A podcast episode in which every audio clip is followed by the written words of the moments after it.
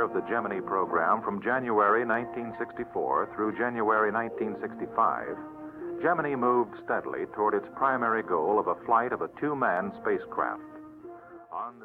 Þegar John F. Kennedy bandarækjafórsiti kynnti áallinni sínar um að koma mönnum til tunglsins fyrir lok sjötta áratugurins varð yfirmunum NASA ljóst að brúa þurfti bylið á milli Mercury og Apollo verkefnuna.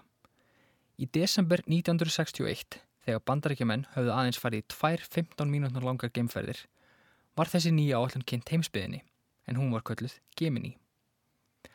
Markmið Gemini verkefninsins voru mörg og mikilvæg. Sína þurfti fram á að menn getur lifað af að minnstakosti tveggja veikna geimferð því lengstu tunglferðinar tækju alltaf tvær vikur. Í Gemini átti líka að tengja saman tvö geimföri geimnum. Sína var fram á að menn getur unni fyrir utan verndarhjúp geimfarsins. Betrum bæta þurfti teknina til að komast í gegnum lofthjúpin og lenda nákvæmlega á fyrirfram ákveðnum stað. Að lokum átti geimfararnir að öðlast alla þá reynslu sem þurfti til að stýra Apollo geimfari til tungsins. Ef eitthvað þessu gengi ekki upp, var ég útilokað að ferðast ángað. Gemini geimfarið líktist mjög mörkir í geimfarinu, en var mun starra í sniðum. Það var keilulaga, 5,7 metra langt, 30 metra breytt og vó rúmlega 4 tonn, ekki ósipa stórum jeppa, þótt rýmið inni var í heldur smarra. Geimfarin Gus Grissom, annar bandaríkjamaðurinn sem fór út í geimin, tók virkan þátt í hönnun geimfarsins, svo mjög raunar að það var gerðan kallað Gusmobíl. Gemini var of stort fyrir allasflöginna sem hafði borið John Glenn á brautum jörðina. Í stað hennar vor komin Titan 2 eldflög sem var tveggja þrepa, rúmir 33 metrar á hæð og 154 tonn. Ólíkt Mercury hafðu geimfariðnir miklu betri stjórn á Gemini geimfarinu. Hægt var að breyta braut geimfarsins en þannig var mögulegt að láta tvö geimfur mætast í geimnum og tengja þau saman. Allur búnaður eldsneiti og súrefnisbyrðir voru í þjónustufari sem tengt var við stjórnfarið.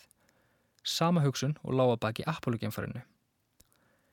Gemini geimfarið var nýstórlegt í alla staði, nokkurnu einn eins og sportbíl við hliðin á Mercury-farinu. Gemini var fyrsta mannaða geimfarið sem inn í held tölvu en hún sá um leiðsagnarkerfið. Verkefni Gemini voru mörg og flókin, svo NASA þurfti nöðsynlega á nýjum geimförum að halda. Í september árið 1962 bætti NASA við nýju gemförum við hérna upprunulegu sjö. Nýju gemfarinnir þurfti að hafa háskóla gráði í verkfæraði og búa reynslu sem tilurnafljóman. Ekki var skilir að þið kemur úr hernum.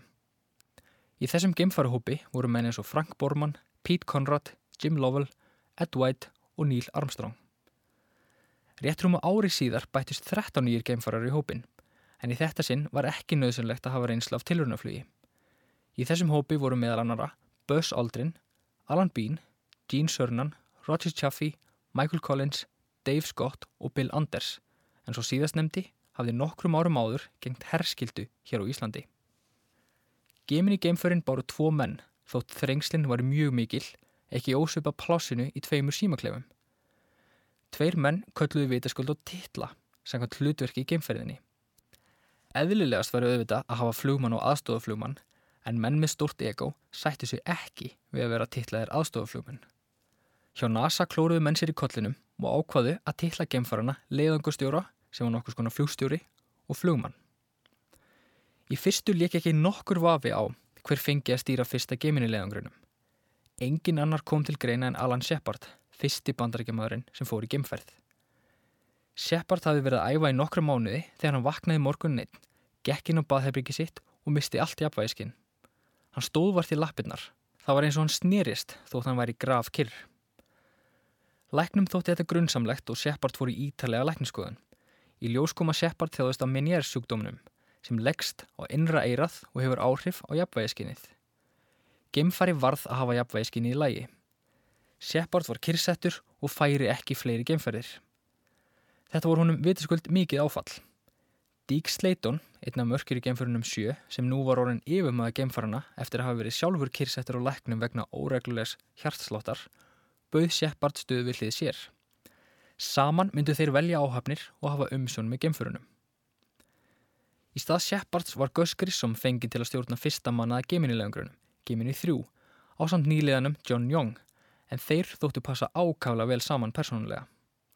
Markmið Gemini 3 var einfalt að prófa hreyfanleika geimfarsins með því að hækka og lækka brautina.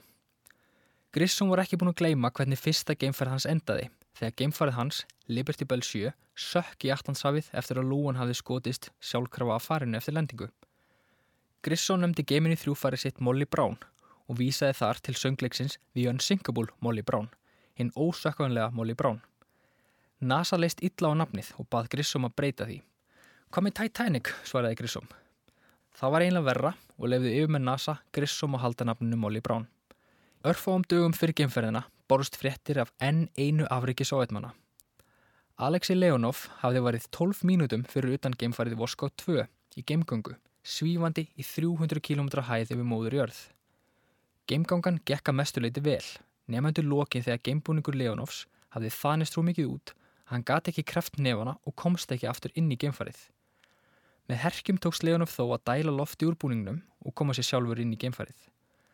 Leonov sagði síðar að hann hefði haft með eiturpillu til að fremja sjálfsvík ef geimgangan hefði misfarist.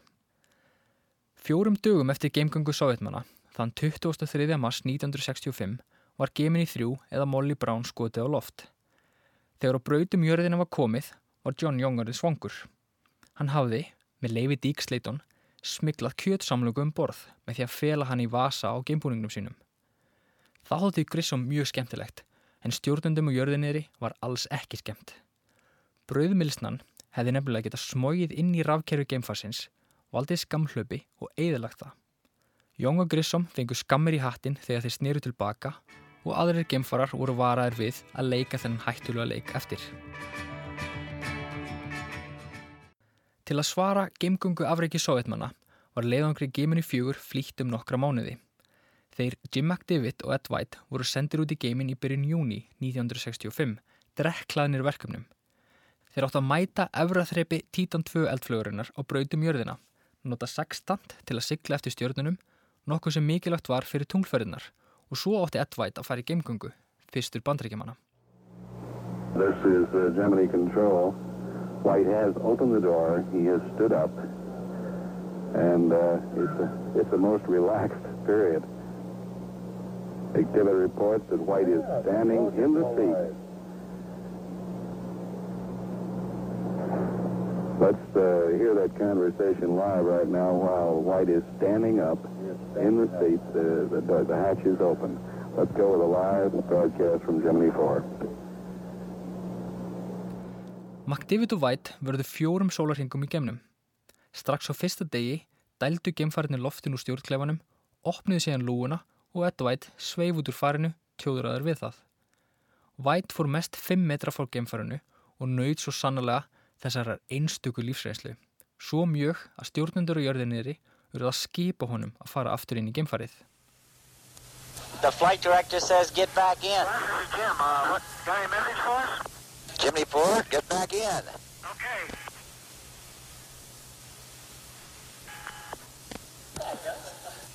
I don't know, we're coming over the west, the west end. They want you to come back in now. Roger, we've been trying to talk to you for a while here.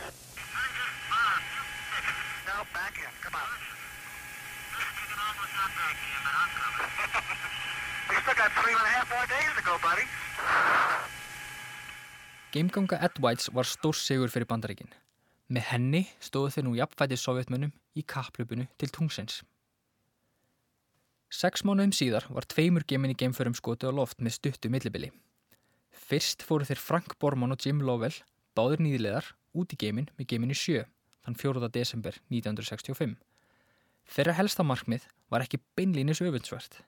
Að dvelja saman í geiminum í tvær vikur og setja um leið dvalarmedd.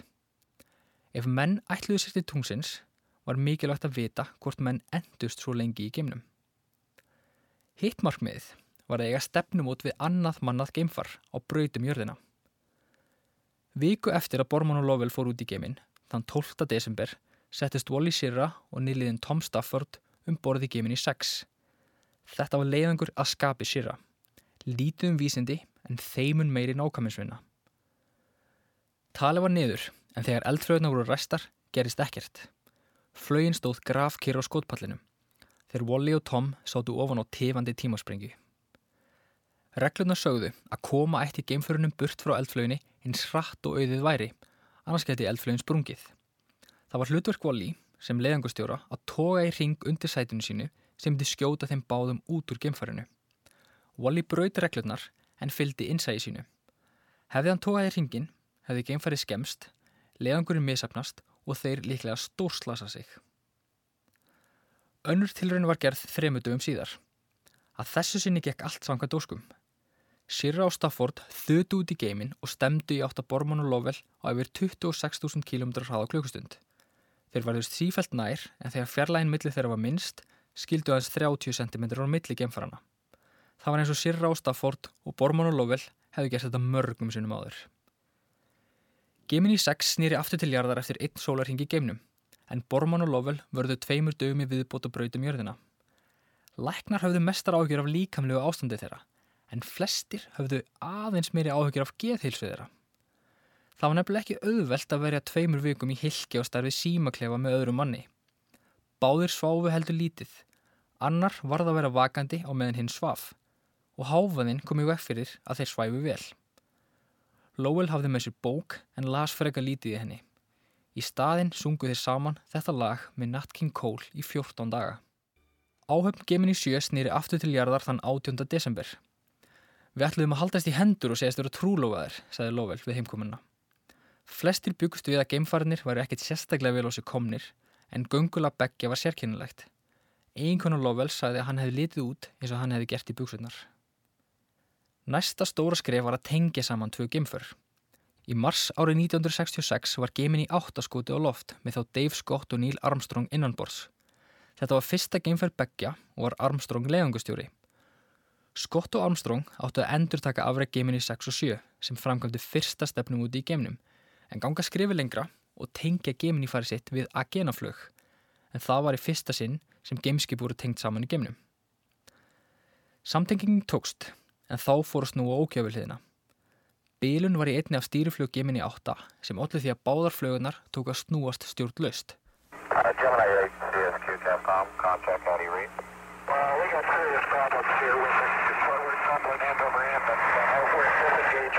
unit. Okay, uh, we got your spacecraft 3 indication here. We're showing you spacecraft 3. Eftir að var reynd að ná stjórn á farinu ákvað Níl að losa agenaflögina frá geimin í farinu. Það tókst þó ekki betur en svo að snúningsræðin snar jógst. Geimfarið snýrist meirinn einn ring á sekundu sem gætt haft áhrif á sjónina og reynst lífshættulegt. Geimfarið virtist stjórnlaust þegar Níl greip til þess örþrifaráðs að ræsa bremsuflögunar. Það virkaði sem betur fyrr og lendu geimfariðnir í raungu hafi miklu fyrir en áallar var um 8000 km frá fyrirhugum lendingastað. Armstrong og Scott þóttu hafa sínt mikið snarraði og leikni við neyðaraðgerðinnar. Eftir að gengið hafi verið úr skugga um að þetta endur tæki sig ekki, voru Tom Stafford og Gene Cernan sendir út í geimin með geimin í nýju. Cernan átti að fara í geimgöngu og vinna létt verku utan dyrra og meðan Stafford beigð inn í geimfarinu. Flesti byggust við að þetta er leikur einn, en annað kom á daginn. Geimgangan reyndist miklu erfiðari en menn áttu vona. Cernan glýmdi við sjálfan sig í rúmar tvær klukkustundir. Öll hans orka fór ég að reyna að koma sér fyrir til að geta synd verkefnunum. Hann svitnaði óskaplega og misti 5 kíló í ferðinni. Hann var orðin rennblöytur, döðþreyttur og blindur vegna móðu sem hafði sapnast fyrir á hjálmi hans. Cernan reyndi að koma sér inn í farið aftur en átti stökustu vandræði með það. Hann var algjörlega hjálpalaus í þingdaleysinu. Útiloka var fyrir Stafford að toga hann inn. Í neyðatilviki, ef öll von var í úti, átti Stafford að skera á línuna, loka lúinni og skilja Cernan eftir í opin döðan. Til allrar lifandislukku kom þó ekki til þess. Í geminni 11 náðu Pete Conrad og Dick Gordon að eiga stefnumót við aðra flög án aðstöður frá jörðu. Þetta var mikilvægur áfangi því síðar meir þyrstu tunglfara að leika sama leika eftir umhverfist tunglið. Geimförin voru tengt saman og flutt á hærri braut en nokkurt mannað geimfar hafði áður farið. Í 1350 km hæði við jörðinni fór Gordon í geimgöngu en hann lendi í svipu um erfileikum og sörnan áður vegna þreitu.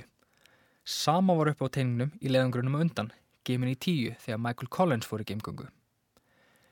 Geimgöngan virtist ætla að vera helsti faratálminn á leiðinni til tungsins. Ef ekki gengi að vinna fyrir utan geimfarið, eruðu tunglferðinar lítið annað en útsýnisferðir. Þá kom til skjálana maður að nafni Edvin Buzz Aldrin. Aldrin var verkfræðingur með doktorskráðu frá MIT háskólanum. Hann var eldklár og hugvitsamur en sumu þótti hann ægilegur hrókagíkur. Buzz var handvis um að hann geti leist öll vandamálinn við geimgungur. Hann áttaði sig á að maður þurfti að vera varfærin og mjúkendur. Buzz ger breytti þjálfunaraðförum. Hann hendi geimfari ofin í stóra og djúpa sundlög og stökk síðan á eftir því. Á skömmum tíma fullkomnaði hann listina við að vinna í geimnum. Hann leitt bæta við handföngum utan á geimförin, fótfestum, tegjum og fleiri hlutum sem hjálpaði mönnum að aðtapna sig. Í november 1966 var Jim Lovell sendur aftur út í geimin á St. Buzz Aldrin í geimin í 12. Buzz var eins og mennsk fluga utan á geimfærinu í 5,5 klukkustund og framkamdi margvísleg störf eins og hann hefði aldrei gert neitt annað. Buzz tókst það sem öllum hafði mistekist áður og fært bandaríkin skrefi nær tunglinu. Gemini 12 lendi á Allandsafi 15. november eftir fjóra daga í geimnum. Með því laug Gemini áalluninni með ótvíraðum árangri. Tunglið virtist nær nokkur sinni fyrr. Fyrstu tilrunir með ómönnuðum Apollo-förum voru þegar hafnar og stutt var í fyrstu mönnuðu ferðina. Sáleiðangur komst reyndar ekki lengra en á skotpallin því hún endaði með óskupum sem kostaði þrjá menn lífið og batt næstum enda á tunglaállununa.